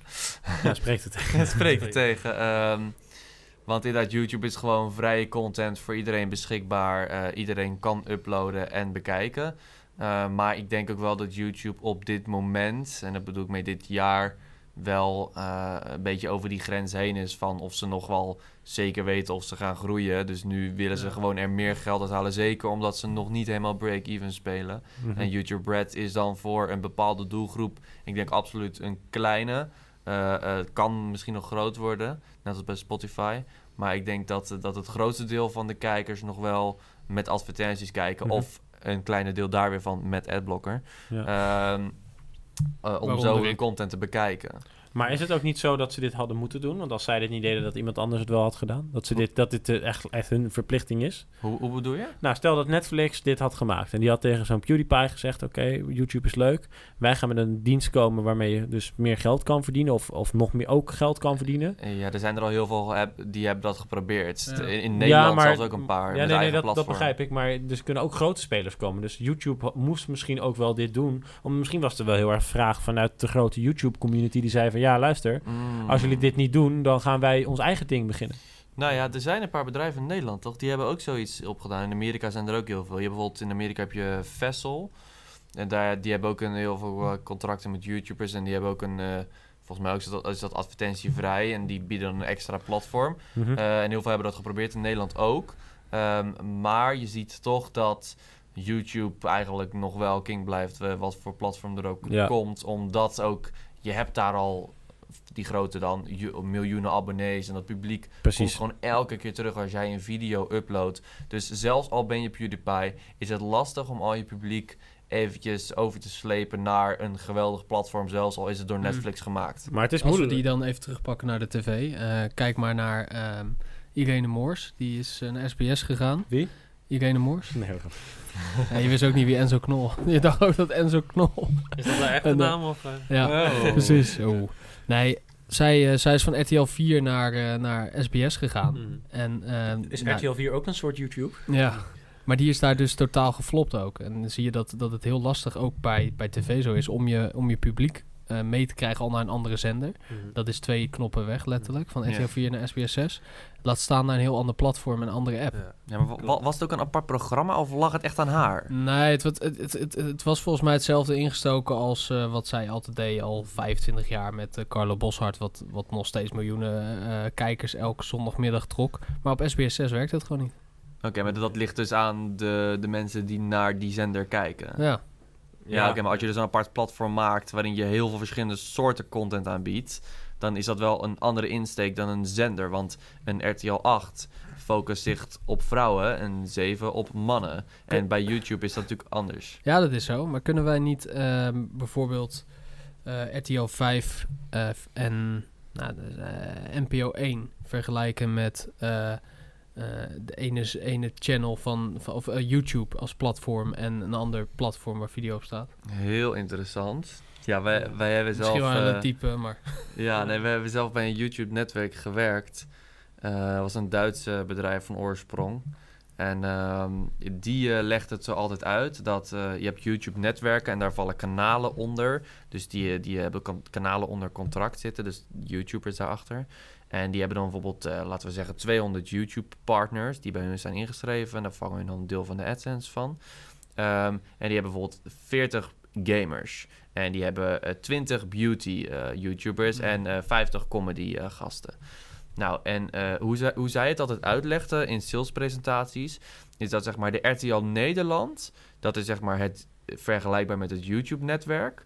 Dan heb je binnen RTL Nederland heb je RTL 8, RTL 7, Ja, ja, RTL ja. 4. Dat zijn dan de, de beauty eh, groepje van die YouTube-netwerken en de het zijn gamers verschillende communities. Juist, en dan de channels, dus de YouTube-kanalen, dat zijn vergelijkbaar met tv-programma's. En binnen Hmm, programma's heb je weer rubrieken. En rubrieken zijn weer losse video's. Dat Ja. zijn de onderwerpen in de video. Ja, Ja, Oké, nou mooi maar dat is, dat, dat is inderdaad een goede uitleg. En eh, in de communicatie noemen we dat eigenlijk gewoon redactionele eindthema's, zeg maar, of redactionele thema's. Mm. Eh, en het kan ook zo, eh, wat je vaak ziet ook in, in, in printmedia, dus in, bij magazines, zie je gewoon dat er eh, in december bijvoorbeeld standaard de kerstspecial is, uiteraard. Mm. En in juni is standaard de zomerspecial, van je gaat lekker op vakantie en noem maar op. Dus dat is ook logisch. Hè? Dat, Ja. is, dat, dat, je, dat is een bepaalde voorspelbaarheid die je ook gewoon wil hebben als lezer. Want dat is op dat moment relevant voor jou of als kijker, bij YouTube dan. Eh, is natuurlijk ook heel relevant. Eh, alleen wat ik grappig vind is, stel hè, ik ga nu weer een beetje een stelling opwerpen. Mm. YouTube Red faalt hopeloos. Of eh, het gaat nu al, volgens mij is het al een tijdje uit en het slaat nog niet enorm aan. Klopt. Maar goed, het faalt hopeloos en daarmee eh, is YouTube in het geding. En YouTube haakt niet aan bij de ontwikkelingen die we doen. Stel dat er een. VS trouwens, hè? Ja, in de Mm. VS alleen nog. Ja. Maar goed, stel. Er zijn ook andere partijen die video online bieden. En al vanaf het begin. Ik bedoel, er zijn altijd video-websites geweest. Nooit zo groot als YouTube, maar die zijn er. En dan heb ik het over eh, live video. Waar YouTube op dit moment nog, naar mijn idee, te weinig mee doet. Zijn aan het investeren. We zijn aan het Mhm. investeren. Virtual reality eh, content is nu nog een side project, naar mijn gevoel, bij YouTube. Ja, ze zijn heel erg aan het investeren in livestream, bedoelde ik. Oh, livestream. Ja, nee, Ja, oké. nou goed, maar goed, we zien dus andere apps opkomen. Facebook eh, live. Ik krijg ineens meldingen van Facebook van er is een video live. Kijk mee. Ja. Heb ik YouTube nog nooit zien doen. Twitch inderdaad. Dat is Ja. eigenlijk een, een livestream via- medium voor Die gaming. is- maar dat is volgens mij nu meer. Heel groot. Heel groot. Begonnen voor gaming inderdaad. Ja. Maar goed, er zijn dus andere media naast YouTube die hetzelfde doen, op maar dan iets anders, maar die ook groot worden. Zou het zo kunnen zijn dat YouTube misschien niet eens de toekomst is? Ik eh, ben eh, eh, zelf, ja, het laatste jaar is mijn standpunt daar ook in veranderd. Ik was vroeger ook, dacht ik ook van, nou, YouTube is het en er is niks anders. Ehm, maar naast dat ik niet al mijn geld wil wedden op één paard. Eh, en eh, zo eh, ben jij volgens mij ook opgevoed, Tom. Nou ja, op bedrijfsstandpunt is dat natuurlijk ook... Ja, is, dat is natuurlijk gevaarlijk. Denk ik inderdaad dat er ook andere partijen zullen zijn in de toekomst. die daar ook van gaan mee eten. En daar bedoel ik mee de uurtjes die mensen naar on-demand content kijken. Mm. Facebook is nu een hele gevaarlijke speler. Ze zeggen al dat ze meer views hebben als YouTube. Geloof het niet. Want eh, als je naar beneden scrolt in je Facebook timeline en een video gaat afspelen, automatisch dan tellen ze het al als een view. Dus Hm. eh, dan weet je dat ook. En bij YouTube is een view wordt pas wordt door een heel lastig algoritme bepaald. En dat is echt niet na de eerste drie seconden. En je moet er ook daadwerkelijk op klikken. Dus eh, YouTube is nog vele malen groter. Maar in ieder geval, Facebook is daar wel aan het investeren. Twitch wordt heel erg groot. Daar investeren wij zelf ook in als bedrijf. Omdat we ook denken van livestreamen is ook een deel van de toekomst. Want tv is eigenlijk natuurlijk een 24 uur livestream. Alleen dan doen ze ook filmpjes Ja. er doorheen gooien die ze al van tevoren Precies. opgenomen hebben. Nou ja, eh RTL Late Night is gewoon live. Ja. Er- het ja, is, een, ja. is een livestream, alleen Ja. dan op dat venster aan de wand. En het nieuws ook. Ja, Mhm. precies. Dat, dat is het en voetbal. Maar Deze Twitch is niet alleen Ja, maar gaming, hè? Voor- voor sinds kort. Sinds kort. Nee. Sinds een half jaartje is er ook een creative eh, afdeling. En eh, nou, ja, daar kan je eigenlijk alles op doen. Maar die is voor jullie heel interessant dan. eh, als Die, je- die doen wij elke, Live Q&A's, elke, elke donderdagavond, 8 uur. nou ja, precies. Twitch.tv slash hoe gaat dat? Ja. Eh, daar hebben we, Hoe gaat dat? daar hebben we een, eh, een, het- een, eh, een livestream. En daar leggen we, eh, of dat doen we meer inter, nog meer interactie dan dat we op YouTube doen. Dan kunnen mensen live inbellen. En dan gaan we live hun werk bekijken en dat soort dingetjes. Dus dat, dat, dat, dat, dat, dat is ook, denk ik, een groot deel van de toekomst. En YouTube zal nu nog heel groot blijven, over een paar jaar ook. Maar daar zal absoluut verandering in komen. Ja, maar zie je dan niet... gaan jullie daarna ook die Twitch-ding wat jullie maken op YouTube zetten? Of laat je dat op Twitch? Want is dat daarna nog terug te zien? Of is dat gelijk weg? We- ja. Op Twitch kan je eh, eh, een stream eh, terugkijken, maar we hebben ook een tijdje een compilatie van gemaakt en dat op YouTube gezet. Maar niet het Eh, volledige ding? Nee, Nee. niet Oké, volledig. nee, dat is wel Nee, interessant. Want dat, is, dat, Klopt. dat betekent dus dat het echt content is voor dat medium. Juist. Ja, dan Ja. moet je En dat is niet de content die je op. YouTube vindt. Nee. Nee. Maar dat Maar is- dat kunnen ze natuurlijk morgen zo bij bespreken bouwen en dan heb je het ook op YouTube, gek gezegd. Ja, Ja. maar dat, de- de- een, een anderhalf uur livestream moet je eigenlijk niet op YouTube gaan uploaden. En dat is heel lullig eh, voor jullie, maar de- dat is net zoals met deze podcast. Het, je moet hem sowieso uploaden hoor, maar eigen, dit, dit soort content zal nooit groot worden op YouTube. Nee. Wat, wat eh, eh, ni- niet, dat is ook absoluut niet jullie doel, maar voor YouTube-abonnees is dat gewoon lastig. Ehm, maar korte filmpjes werken op YouTube veel beter. Dus vorige keer hebben we ook een idee besproken van eh, knip uit deze eh, ehm, podcast kleine stukjes en upload die. En dan worden mensen geïnteresseerd en gaan ze de echte podcast luisteren. Precies. Want, ja, en en de, de anderhalf uur is goed dat die online staat voor mensen die hem echt willen kijken. Maar voor Ik kan YouTube me niet voorstellen, maar nou ja, maar voor... Of, op, die naar ons willen kijken. Nou ja, m- m- je, je weet het niet, maar in ieder Naast geval... mijn moeder en, eh, en mijn vriendin. Maar, eh, We hebben altijd vier views. ja. Maar, Mijn moeder, zijn moeder. Misschien dat we er twee bij hebben Ja, deze week. Zes moeders. Zes views, ja. Yes. Ja. Nee, maar op, op YouTube werken korte, korte dingen gewoon Ja. goed. Dus eh, wa- wat, wat wij altijd aanraden is ook naar bedrijven... als ze iets langs willen uploaden... omdat ze YouTube gewoon zien als een, een plek waar al hun filmpjes staan... daar zit er een functie op YouTube... en dan kun je zeggen... laat deze video niet aan mijn abonnees zien... Dus dan Hm. wordt hij gewoon op je kanaal gezet, maar dan wordt hij niet naar al je abonnees gestuurd. Waardoor je kanaal of je abonnees eh, elke keer wel goede content krijgen. En dat is weer sterk voor, voor een goed YouTube-kanaal. En op Ja. Twitch zit wel een heel interessant eh, verdienmodel. Want jullie, jullie geven als het ware les. Hè? Soort, eh, als, jij, als jullie op Twitch zitten of jullie doen een QA, dan is het eigenlijk een soort ehm, heel interactief ehm, ja, college, als het ware. Ehm, maar in Twitch zit wel een heel interessant eh, model. Is dat, dat er gedoneerd kan worden terwijl, eh, terwijl jullie aan het livestreamen zijn. En dat is heel, heel interessant voor, eh, voor de content ook. Want er zal steeds betere content aangeboden worden.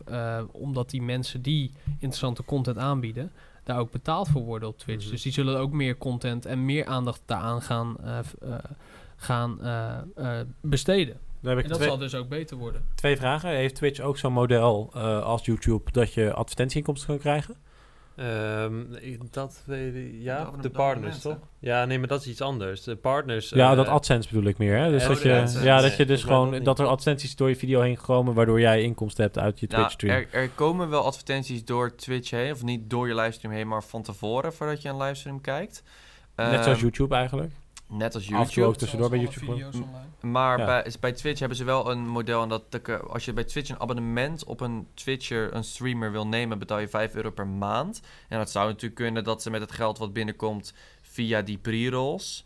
Dus die, die korte advertentiefilmpjes. Dat ze daarmee een deel daarvan uitbetalen. Maar dat is niet direct dat jij een deel krijgt van de pre-rolls zoals het op YouTube is. Dus je, het is eigenlijk interessanter voor een contentmaker die geld wil verdienen om op YouTube te zitten, als ik het zo begrijp. Op YouTube? Ja, Nou ja, op YouTube krijg je niet zoveel, want, want, want eh, YouTube pakt weer ehm 45% of 55, wat was het? Volgens mij 45% standaard van elk filmpje waar AdSense of waar advertenties op draaien. Dus dat is weer een heel groot deel. ja, ja. Plus, je krijgt helemaal niet zo'n groot deel daadwerkelijk van eh, de advertentieinkomsten. Want eh, eh, je hebt ook verschillende soorten. Je hebt banners die omhoog komen. Je hebt ja, ja. die van tevoren afspelen. Dat, dat kan je zelf allemaal instellen. Dus dat heeft ook allemaal weer verschil. Maar op Twitch, als je 5 euro... Als jij een 5 euro abonnement op iemand neemt... dan kan die streamer daar zomaar... volgens mij uit mijn hoofd... iets van 3 euro van krijgen. En dan, is het, dan Ja, wordt dan het wordt het wel veel, interessanter. Behalve als je een Enzo Knol heet of een PewDiePie... dat je zoveel miljoenen views per maand hebt... ja, dan ja, wordt het interessanter. dan is AdSense weer interessant. Maar wat verdient een, eh, voordat ik me, ik wilde nog een tweede vraag stellen, maar wat verdient een Enzo Knol bijvoorbeeld? Enzo Knol heeft Naar eh, schatting? eh, twee maanden geleden een huis gekocht van 4 ton en Cash. in één keer afbetaald. I- stond overal in de media, ik weet niet of het waar is, maar hij verdient genoeg. Oké, vergelijkbaar met onze podcast dus. Vergelijkbaar met jullie podcast. Ongeveer dan, hè? Ja, ongeveer dan. Een grove schatting. Dat was mijn vakantiehuis. Oké. Maar, eh, maar, nee, maar, eh, en mijn tweede vraag was dus tijdens eh, Twitch kun je dus live eh, donaties doen aan een, aan, een, aan een contentmaker. Dus als ik het goed begrijp, hè, stel je zou ehm, aan een paal gaan hangen en dansen, dan zou iemand dus letterlijk virtueel geld naar je kunnen gooien. Een soort van... dus wel, de, ja. de nieuwe stripclub. ja, Die nou- dit idee nou wil je kopiëren, eh, dit heb ik. Nou, Strip Je Twitch. mag geen nudity op eh, Twitch, Nou. dan word je geband. Maar je hebt wel, eh, wat Oh. wel interessant je het is, een en ander af, toch? wat wel interessant is, is op, op Twitch heb je eh, eh, gamers en dan heb je natuurlijk ook vrouwelijke gamers Mhm, en mhm. die spelen daar ook op in. Want eh, ja, zie je ook dat de webcam toch wel eh des te mate groter is dan eh, bij de mannelijke eh, streamers. camera Eh, iets meer van boven ja. staat. Ja, precies. Iets lager. Dus als je dan, als, dus zij zegt, als jullie nu allemaal gaan doneren en ik haal 10k, 10.000 dollar, dan doe ik mijn BH uit. Dat mijn shirt, dus of mijn want shirt. Dat is Doe mijn shirt uit. Dat is naaktheid. Dat Maar mag ze wel de shirt uitdoen? Ja, nou ja. Als er, als er iets onder zit, Nee, maar ik dan vind mag het, shirt maar ik vind, dat geeft weer een ander perspectief. Nee, jouw Er- er platform was- blijft er nog was steeds twee- gewoon porno. Nee, Dat is ook on demand dat video. werkt ook. Nou, er was een paar maanden geleden... Zitten jullie daar ook op met hoe gaat dat? Nee, nog niet. Nee, er was eh, een paar maanden geleden een vrouwelijke streamer en die eh, had een eh, kort eh, broekje aan. En eh, die eh, stond op en die Oh, had ja, daaronder geen, gelezen, ja. ja. die had daaronder geen eh, slipje aan. Heel toevallig. Dus eh, die ik zou het niet weten of het toeval was. Tuurlijk. Misschien loopt ze er elke dag zo bij. Maar die stond op en toen was haar geval volledig, of nou ja, in beeld. En die is dus geband van, van Twitch. ja, Was per ongeluk, maar wel geband. ja. Nou, misschien was het een mislukte stunt. Ja, Kan. Kan. Ja, Ja, je Ja, maar ik, ik, wil- ik wil hem een beetje, een beetje afronden, want Ja. we, we, zi- we, zitten alweer, eh, we zitten alweer lang eh, te praten. Eh, Mhm. we hebben het over de toekomst van YouTube gehad. eh, en ik denk dat eh, de toekomst van YouTube ook heel een hele grote rol gaat spelen in, in educatie. En Mhm. dat is iets waar we het, eh, daar gaan we het nu niet over hebben hoor, want dat is eh, een volgende podcast letterlijk. Mhm. die is voor de, voor de volgende keer gepland. Dan gaan we het hebben over YouTube en, eh, en educatie en wat YouTube ook weer kan met doen. een speciale gast. Ja, wat YouTube kan doen voor educatie. We gaan het niet alleen hebben over YouTube en educatie, maar vooral over hoe kunnen we educatie veranderen. Want educatie is al heel lang hetzelfde. En hoe kan YouTube daar een rol in spelen? En dan gaan we het niet alleen over technologische aspecten hebben. Nee, Waar nee, nu nee, natuurlijk een vrij technologische podcast Precies. was. Ehm, wil ik hem ook afsluiten, maar dan op een andere manier. Eigenlijk met een stelling. eh, eigenlijk met mijn derde stelling van vandaag, maar ook een beetje een soort conclusie. Ehm, ik denk dat te stellen is dat YouTubers een enorm talent hebben. Zeg maar de bekende de vloggers en de filmpjesmakers. Daarom ook groot worden. Eh, alleen eh, wat The Guardian schrijft is dat eh, PewDiePie die heeft in 2014 4,1 miljard views gehaald met zijn channel. Miljard. Ehm, en de vraag is, waar gaat hij zijn in 2025? En The Guardian zegt, it's quite likely that he will be running one of the world's biggest entertainment networks. Oftewel, hij wordt de, hij wordt de baas van een entertainment netwerk. Maar hij heeft ook het bereik van een entertainment netwerk nu al. Laat staan in 2025. Maar de vraag die ik dus ga stellen... ehm, ja, weet je, John de Mol is niet Humberto Tan. En Humberto Tan is niet John de Mol, om het zo maar te zeggen. Om het maar in televisietermen te houden. En dat is met een reden. Gaat eh, zo'n PewDiePie dat lukken? Want hij is een goede videomaker. Dat, hebben we net, dat kunnen we denk ik wel stellen. Maar hij is niet per se geschikt om een heel televisienetwerk te draaien. En dan vraag ik me af, ehm, ja, weet je, trappen, dan, dan, gaat hij, dan, dan, wordt, dan wordt hij ook een heel ander persoon. En dan vervalt misschien zijn kracht. Maar wat, wat stond er in dat artikel? Stond er dat hij een televisiebedrijf eh, draaiende gaat houden? Of stond er dat hij zijn eigen netwerk Ja, wat, op ik gaat denk, ik denk tegen die tijd hebben, hebben we het over tien jaar. Over tien jaar dat hij misschien eh vertiendubbeld ook is in, eh, in abonnees. En dat, het, dat ze het misschien zo bedoelen. Niet letterlijk, Nee, nee. Niet letterlijk een nieuwe John de Mol. ehm, maar meer dat hij zoveel bereik heeft. Hetzelfde als de grootste entertainment eh, businesses.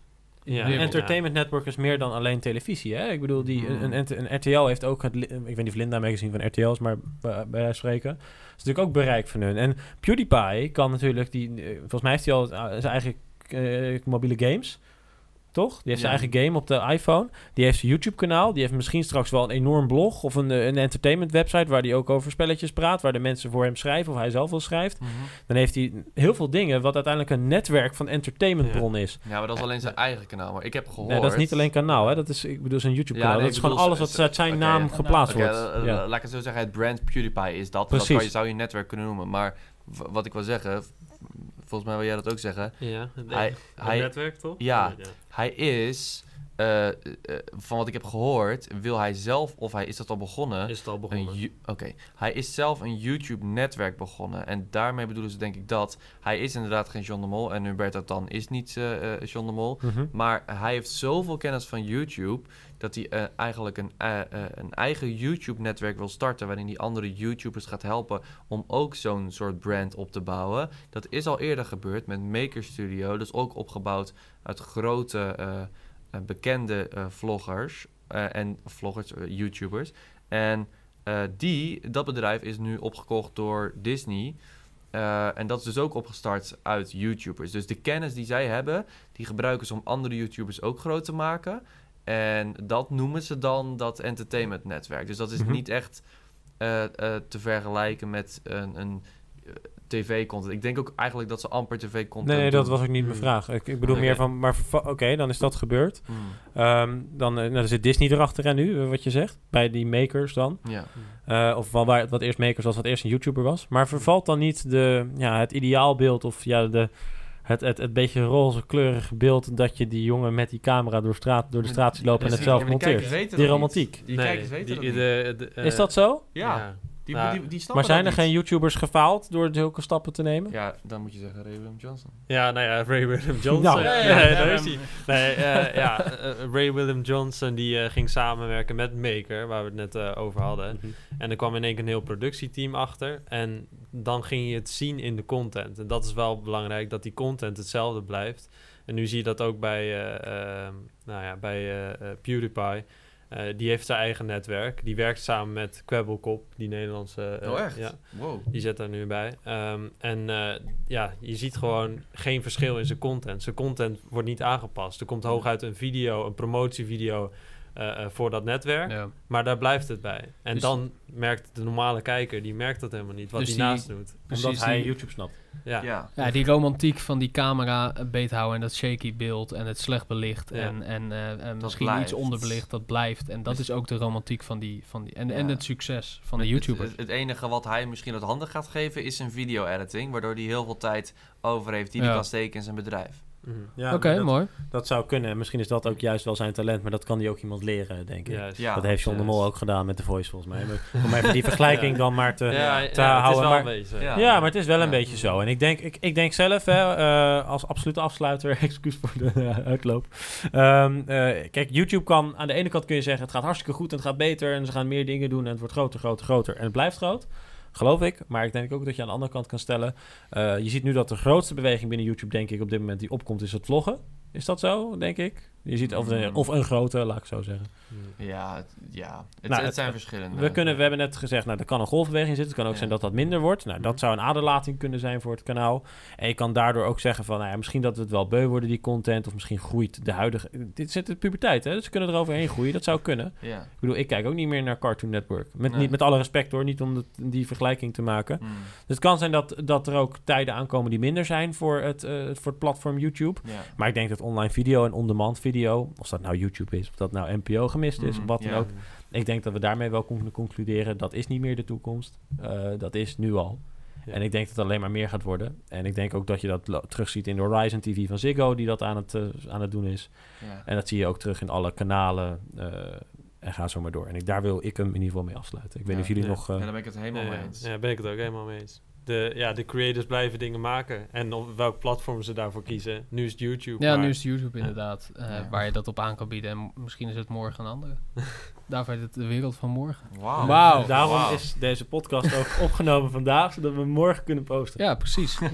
hey, ehm, ik wil jullie hartelijk bedanken voor, eh, ja, voor jullie kennis over eh, YouTube. En ehm, ja, herhaal nog één keer hoe, eh, hoe jullie bedrijf heet en hoe de, hoe de channel heet. eh, waarop jullie opereren, de channels. Dat is Ja. wel leuk voor de luisteraar, denk ik. Oké, nou ja, onze, eh, web- onze website eh heet koffiebottle.com. Dus dat is koffiefles in het Engels. Eh, als je precies wil weten waarom ze zo heten, moet je even een paar keer doorklikken op de website. en de, de- de- op die website staan ook onze YouTube-kanalen.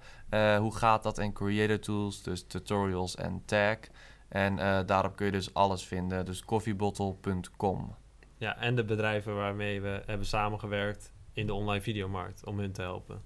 Ja, dus die staan daar ook op. Dus al wil je zelf wat met video doen, als ik dit nog mag zeggen. eh, ben je een bedrijf en je wil zelf Knip wat... je er eh, toch uit. je zou het toch niet knippen? Nee, zeg maar. Nee, zonder gekken. Nee, als, als, we, eh, als je een bedrijf bent en je denkt van... hé, hey, ik zou ook wel een keer wat met online video willen doen... ehm, dan eh, willen we je hartstikke graag helpen. En dan eh, proberen we wat creatiefs te verzinnen... wat, eh, wat echt, vooral op long term, heel goed werkt. Lange termijn. Lange termijn. Top. Ik zie jou trouwens in de camera kijken, die heb ik nog helemaal niet zien staan. Nee. Komt dit ook op YouTube? Ja, dat Nee. gaat automatisch. Als je YouTuber Ja. bent, dan praat je gelijk naar de Ja, camera. precies. Nee, jongens, hartstikke bedankt voor jullie input. Eh, ik, ik vond het heel interessant. Ik wil even eh, melden. eh, ja, we, we hebben dus binnenkort de podcast over educatie. Niet zozeer alleen maar YouTube en educatie, maar heel breed. Dus pakken we hem heel breed. En we hebben morgen ook iets heel leuks, Nick. Ja, morgen gaan we op bezoek bij eh, Porsche, zoals het zo mooi heet. En dan gaan we het hebben over een nieuw businessmodel van Porsche. ehm, waarbij je dus een auto kan kopen met meerdere mensen. Dus wij zouden nu met z'n vieren kunnen beslissen als succesvolle YouTubers... om een nieuwe Porsche eh, te leasen. En een 911, een hele snelle inderdaad. En dan heel stoer over de straat te kunnen shaken. En terwijl de app het allemaal voor ons bijhoudt en de kosten deelt. En dat we het kunnen inplannen in onze Ja. agenda. Wauw. Dus dat zijn interessante ontwikkelingen. Eh, staat overigens niet morgen online, maar we gaan er morgen langs, letterlijk. Letterlijk. Ja, bij Porsche Centrum Rotterdam inderdaad.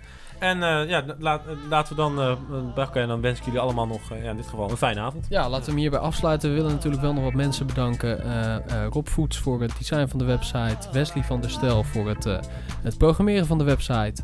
Eh, ik wil jou natuurlijk eh, bedanken, Nick, eh, voor deze fantastische input vandaag. Ik wil ehm, Moby bedanken voor het muziekje wat je nu al hoort spelen. Eh, en Nick, bedankt mij nog even. Bedankt Lorenzo. En als laatst willen we nogmaals eh, de mensen van Koffiebotten bedanken, oftewel Rino van Top.